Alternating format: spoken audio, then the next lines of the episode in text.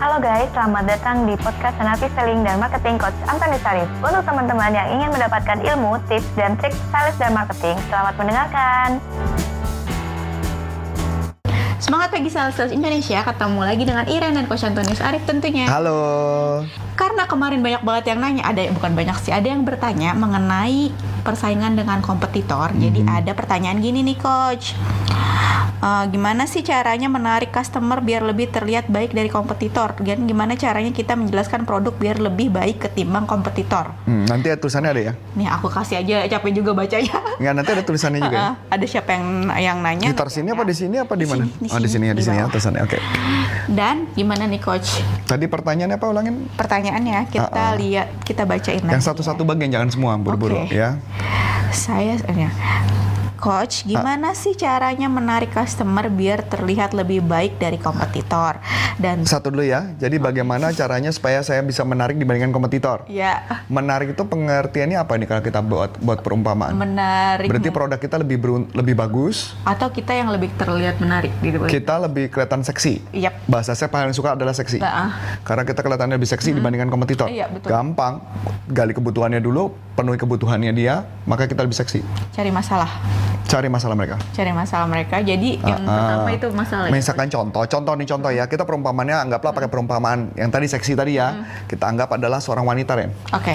Seorang pria ada seorang wanita gitu ya. Dia berusaha menarik prianya tapi prianya nggak mau. Atau sebaliknya seorang pria mau menarik seorang wanita. Iya. prianya nggak wanitanya nggak mau. Kenapa? Karena tidak sesuai kriteria.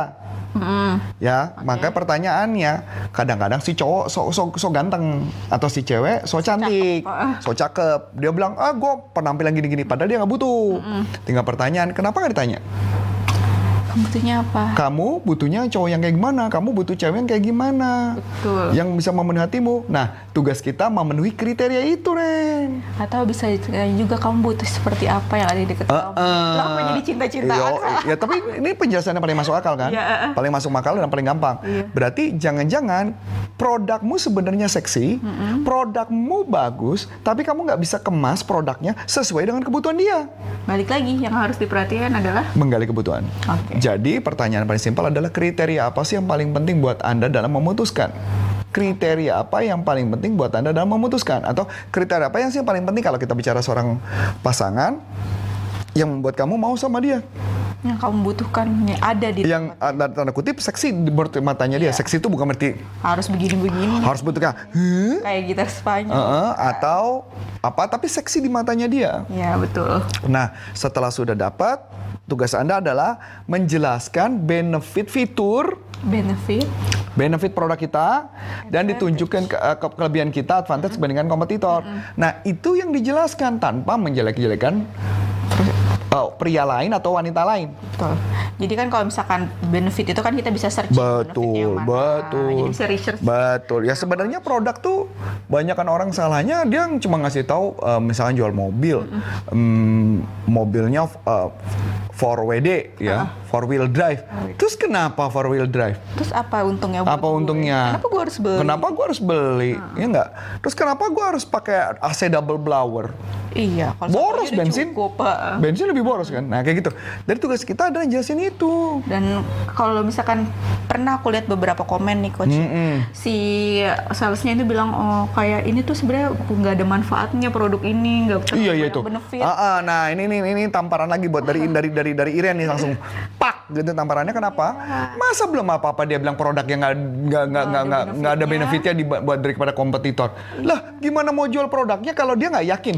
Ya betul kalau dia nggak yakin produknya ini buat apa? Oh bener kan kata saya kan makanya Iren lama-lama dia yang ngajar di sini kan. Nah bener Iren udah menunjukkan bahwa kesalahan emosi bahwa kebanyakan sales menjelek-jelekan produknya. Iya. Lah kalau dia nggak mencintai produknya gimana mau jualan? Nah iya itu dia. Emosi juga ya gue. Iya, kan emang jadi langsung ini nih. Ya. Karena ya semua produk itu pasti ada benefitnya ya. Betul. Tergantung mengemasnya. Lagi. Betul. Nah ini selanjutnya nih ya, soalnya panjang nih. Hmm. Terus gimana caranya kita menjelaskan produk lebih baik ketimbang kompetitor ya tadi ya? Ah, menja- cara menjelaskannya adalah tadi udah dijelasin. Ada benefitnya. Nah, tapi sebenarnya ada satu lagi, Ren. Permainan intonasi dan gerakan tangan.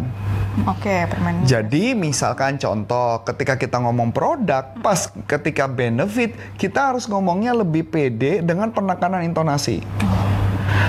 Misalkan kita balik lagi tentang pria dan wanita yang seksi di matanya mereka. Karena misalnya gitu, oh saya mau wanita yang misalnya contoh saya mau wanita yang kebetulan wanita itu adalah wanita yang suka dengan anak-anak. Kita bisa ngomong, oh kamu mau wanita yang suka dengan anak-anak Hmm, ditekan lagi. ditekan walaupun ada teknik hipnosis Ren Ya. Nunjuk badan ya. Nah ini rumusnya belum dikasih tahu hari ini nih ya. Belum dikasih tahu hari ini tapi nanti suatu saat akan diajarkan. Nah jadi tugas kita adalah menekankan benefit itu. Berarti misal apa sih yang bapak butuhkan dari produk ini? Oh saya butuh produk misalkan contoh hemat bahan bakar. Kalau mobil oh eh, apa gitu ya yang servisnya bagus misalnya.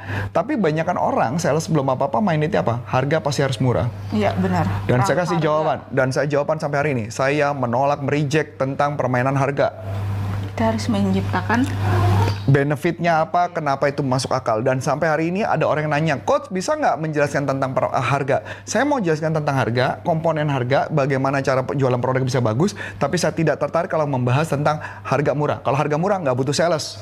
Tamparannya pok, sales nggak dibutuhkan. Aja. Kalau harganya murah, cukup kasih katalog, admin, semua semua sih jalan. taruhnya di Tokopedia. Taruh Tokopedia, gitu ya. Sponsor deh, sponsor ya Tokopedia ah, tolong. ya. Nah, jadi baik lagi, tugas kita adalah penekanan dan gerakan-gerakan tangan untuk mengilustrasikan bahwa produk itu bagus. Jadi kalau ditanya, yang tadi tugasnya adalah salesnya ngomong latihan di depan kaca, dia ngomong sampai orangnya percaya. Istilah gini, sebelum membuat orang lain percaya, Anda percaya nggak sama produknya? Balik lagi. Anda jual di diri Anda dulu. Kalau Anda sendiri nggak mau jual barang Anda pada diri Anda, Anda nggak akan beli. Iya, itu. Karena saya ingat waktu itu kemarin kan ada yang kita saya ngajar di TV perusahaan salah satu TV kabel. Saya percaya loh produk itu bagus loh. Walaupun walaupun sebenarnya produknya di tempat kita sempat biar pet. Iya. mm-mm. Tapi kenapa saya percaya produknya bagus? Karena ketika dia menjelaskan masuk akal logika saya, saya bilang ini bagus banget. Ini bodoh banget yang nggak bisa jual nih saya bilang. Nah kayak gitu ya. Artinya saya believe kan. Iya, beli. Nah jadi kata kuncinya adalah saya sendiri believe sama produk yang saya tawarkan. Sampai katanya baru selesai sesi, terus sorenya udah ada yang closing ya. Ada yang closing nih untuk door to door. Eh, sinting nih bener ya. Jadi kata kuncinya Anda harus percaya dulu. Jadi ibaratnya sebelum Anda jual ke orang lain, Anda jual ke diri Anda. Anda mau beli apa enggak? Oke. Kalau Anda sendiri nggak mau beli, berarti ada something wrong. Yep. Kalau bilang, tapi kan memang produknya jelek. Cari di sana ada nggak yang jago jualan? Kalau ada yang jago jualan, Anda bisa jual produk itu, berarti ada yang salah dengan Anda. Balik lagi ke diri Anda. Ke diri Anda dulu. Coba kita baca lagi. Oh, shit, panjang nih. Ya intinya gimana cara memenangkan persaingan gitu coach sama kompetitor biar persaingan kelihatan sehat dan bagus. Ya tadi uh, persaingan sehat itu bagus adalah tidak boleh menjelekkan kompetitor. Oke. Ketika tidak menjelekkan uh, kompetitor, maka produk kita akan bagus. Kedua adalah menjelaskan balik lagi tentang benefitnya apa. Eh, sorry. Uh, pertama tidak menjelekkan kompetitor. Kedua adalah gali kebutuhannya dia. Oke. Dan baru masuk kepada Uh, benefit apa yang bisa kita lakukan. Yang disebut namanya feature advantage benefit. terus boleh nggak kita riset juga itu ada di mana riset produk kompetitor Produk kompetitor riset aja. di mana Di commandé Google Enggak, oh, maksudnya di- di produk kompetitor. Dibandingkan advantage. Oh, Oke. Keunggulan kita dibanding kompetitor. Oke. Nah, yang paling penting adalah satu tadi ya. Eh, penjelasan fitur advantage benefit saya kita udah pernah bahas videonya. Udah. Ya nanti cari di mana taruh di sini apa di sini saya nggak tahu. Udah ketemu aku, aku taruh sini. Ah, ah, ya. Ini saking banyaknya video nih ya. Jadi buat kita adalah baik lagi kepada Anda, sebelum Anda jualan apa pun, jualan apa pun mudah, jualan gampang. Ya memang juga ada yang nanya, coach bagaimana jualan kaligrafi? Iya, ada ya? Ada. Kaligrafi, eh, bukan saya nggak mau jawab, saya cuma jawab kaligrafi cara jualan tetap sama. Kalau Anda jualan kaligrafi, menjuallah kepada orang yang butuh.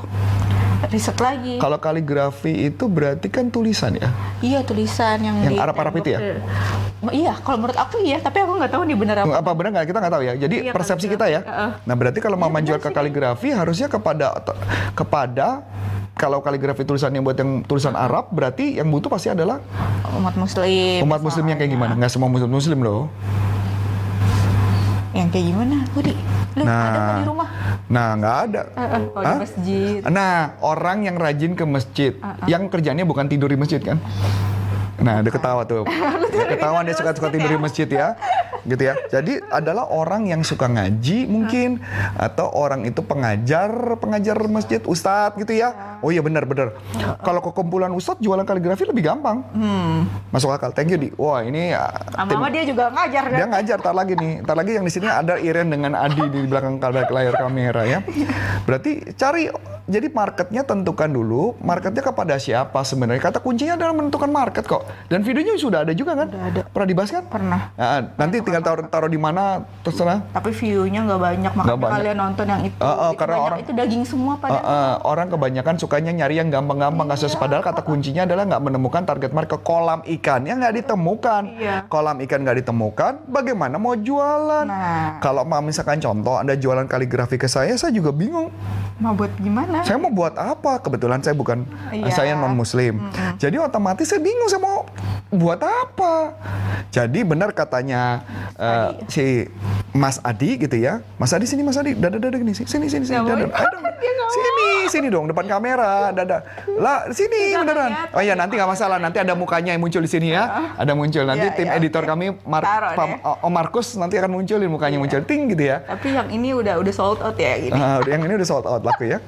Nah, jadi balik lagi pertanyaannya adalah tentukan target market. Iya, tentukan target. Jadi target market siapa? Jadi benar, Ustadz apa Haji semua mau ngomong nggak kaligrafi? Bisa. Bisa ya? Pak Haji yang kayak gimana? Ya. Tapi rata-rata ada ya di rumah tuh rata-rata di rumah Biasanya orang tuh ada. Banyak tuh pak. Di rumah saya aja ada, Pak. Gitu. Di rumah saya aja ada kok. Di, ruang tamu. Di ruang tamu ya? Perumahan-perumahan gitu juga bisa. Perumahan loh. yang mana tapi ya? Kan nggak semua orang. Tapi pertanyaan, ada nggak semua teman-temanmu yang muslim Iya, pakai rata-rata kaligrafi? Ada, biarpun kecil ya. Walaupun kecil ya? Ada. Ya, kita nggak tahu nih maksudnya apakah ukiran kaligrafi Iya. atau harganya berapa? harganya berapa atau apa kita nggak tahu. Tapi rata-rata ada ya? Rata-rata ada. Rata-rata ada. Harusnya jualan lebih gampang dong. Iya. Makanya apa ini mahal banget atau gimana kita juga nggak tahu. Nggak tahu karena nggak jelas. Ah, ah, makanya kalau teman-teman nanya yang lebih jelas lagi. Ah, dan lebih detail lagi gitu ya. Walaupun sebenarnya bukan nggak dibahas, kami baca, tapi kami merasa bahwa semua sel sama. Iya. Gali lagi kebutuhannya, Benar. kaligrafinya seperti apa, cari ke market yang pas, tepat, baru jualan. Dan anda tahu, Ren, ini mana Ren? Tahu nggak? Apple, Apple, MacBook, Yang digigit uploadnya. nah, apalagi digigit yang geroak setengah, Iya. itu sebenarnya terkenal gara-gara kaligrafi. Hah? Nah, nggak pernah tahu kan? Nggak tahu. Jadi Steve Jobs itu membuat kenapa MacBooknya jadi laku karena katanya dia satu-satunya yang waktu itu komputer tersebut yang ada tuh karena dia suka kaligrafi. Hmm. Steve Jobs suka kaligrafi, maka dia masukin kaligrafi itu ke dalam komputer dan komputer jadi Oh, menarik ya. menarik ya. Jadi kalau ditanya saya juga nggak bisa jawab pertanyaannya adalah saya nggak membutuhkan sih, tapi Iya. pasti ada teman-teman Muslim yang, Yang membutuhkan, membutuhkan. yang kayak apa, kaligrafinya kayak apa, mungkin tulisannya bukan sekedar nama Tuhan ya, uh, ayat-ayat suci Ayat suci, kadang-kadang. nama, ayat, ayat suci, nama, nama, nama, nama kita, nama, nama kita bisa. nama nama kita dibuat kaligrafi. Terus kalau mama dibuat kaligrafi keuntungannya untuk apa? Biar bagus aja. Ya, pajangan aja sih pak. Pajangan. Pajangan aja ya. Berarti bisa buat hadiah juga sebenarnya. Bisa. Ah, buat hadiah. Heeh. Berarti pertanyaan, lu ada yang kaligrafi untuk Di anak saya punya pak. anak ada? Oh, buat hadiah anak Buat kan? hadiah anak. Ah iya, buat berarti cari adalah eh, bapak dan Bapak- ibu, bapak yang sayang istri. bapak Eh, dan salah, anak. berarti kesimpulannya jualannya bisa ke mana tuh ke ke posyandu, betul dong? Bisa. Waktu itu lu beli di mana? Saya pajang di, di lagi di pasar aja dulu pak. Di pasar? Di pasar. Kebetulan lihat. Kemudian ngeliat. Oke. Nah, jadi artinya kan gitu ya. Iya. Berarti sebenarnya cari aja di tempat-tempat yang di mana bapak itu atau ibu-ibu yang ngumpul, yang tertarik melihatin itu dengan alasan kalau nama anaknya dibuat kaligrafi itu apa misalnya jadi lebih Ya biasanya orang tua kalau udah lebih sama muslim banget misalnya saya nggak tahu saya nggak tahu atau cari komunitas. atau cari komunitas betul betul jadi sebenarnya jualan susah nggak sih Ya tergantung enggak juga sih. nggak ya yang penting asal tahu target market ya Ah, Iya. ya kalau nggak tahu target market yang susah Nah itu yang susah. Ayo balik lagi tadi pertanyaan ini jadi pertanyaan kaligrafi pak. iya nggak apa-apa tapi tapi udah jawab semua kan Udah. Ya berarti balik lagi ke target market, Target market. eh, terus kemudian bagaimana kita feature kita advantage benefit kita Iya. apa, kemudian jangan jadikan kompetitor, em, gunakan bahasa intonasi yang tepat, gunakan gerakan ekspresi tangan itu sih ngebantu. Sebenarnya cuma itu doang balik lagi ke hal-hal itu ya coach Hmm. sebenarnya udah pernah kita bahas cuma ini kita spesifikasikan lagi buat teman kita ini Raditya Zulham. Mm-mm. oke semoga ini menjawab. Ada lagi mungkin yang mau ditambah coach Enggak, itu aja. itu aja berarti itu aja untuk episode kali ini. Kalau misalkan kalian rasa video ini bermanfaat jangan lupa di like di share dan kalau misalkan teman-teman belum subscribe bisa di subscribe dulu. Dan jangan lupa turn notification on supaya kalian bisa tahu kapan aja kita upload upload video terbaru oke kalau gitu saya Iren Dan saya Coach Antoni Syarif mengucapkan terima kasih, sukses buat Anda, dan sampai jumpa. Salam performan. Bye-bye. Nah, untuk teman-teman yang sudah menerangkan, terima kasih ya dan nantikan podcast selanjutnya.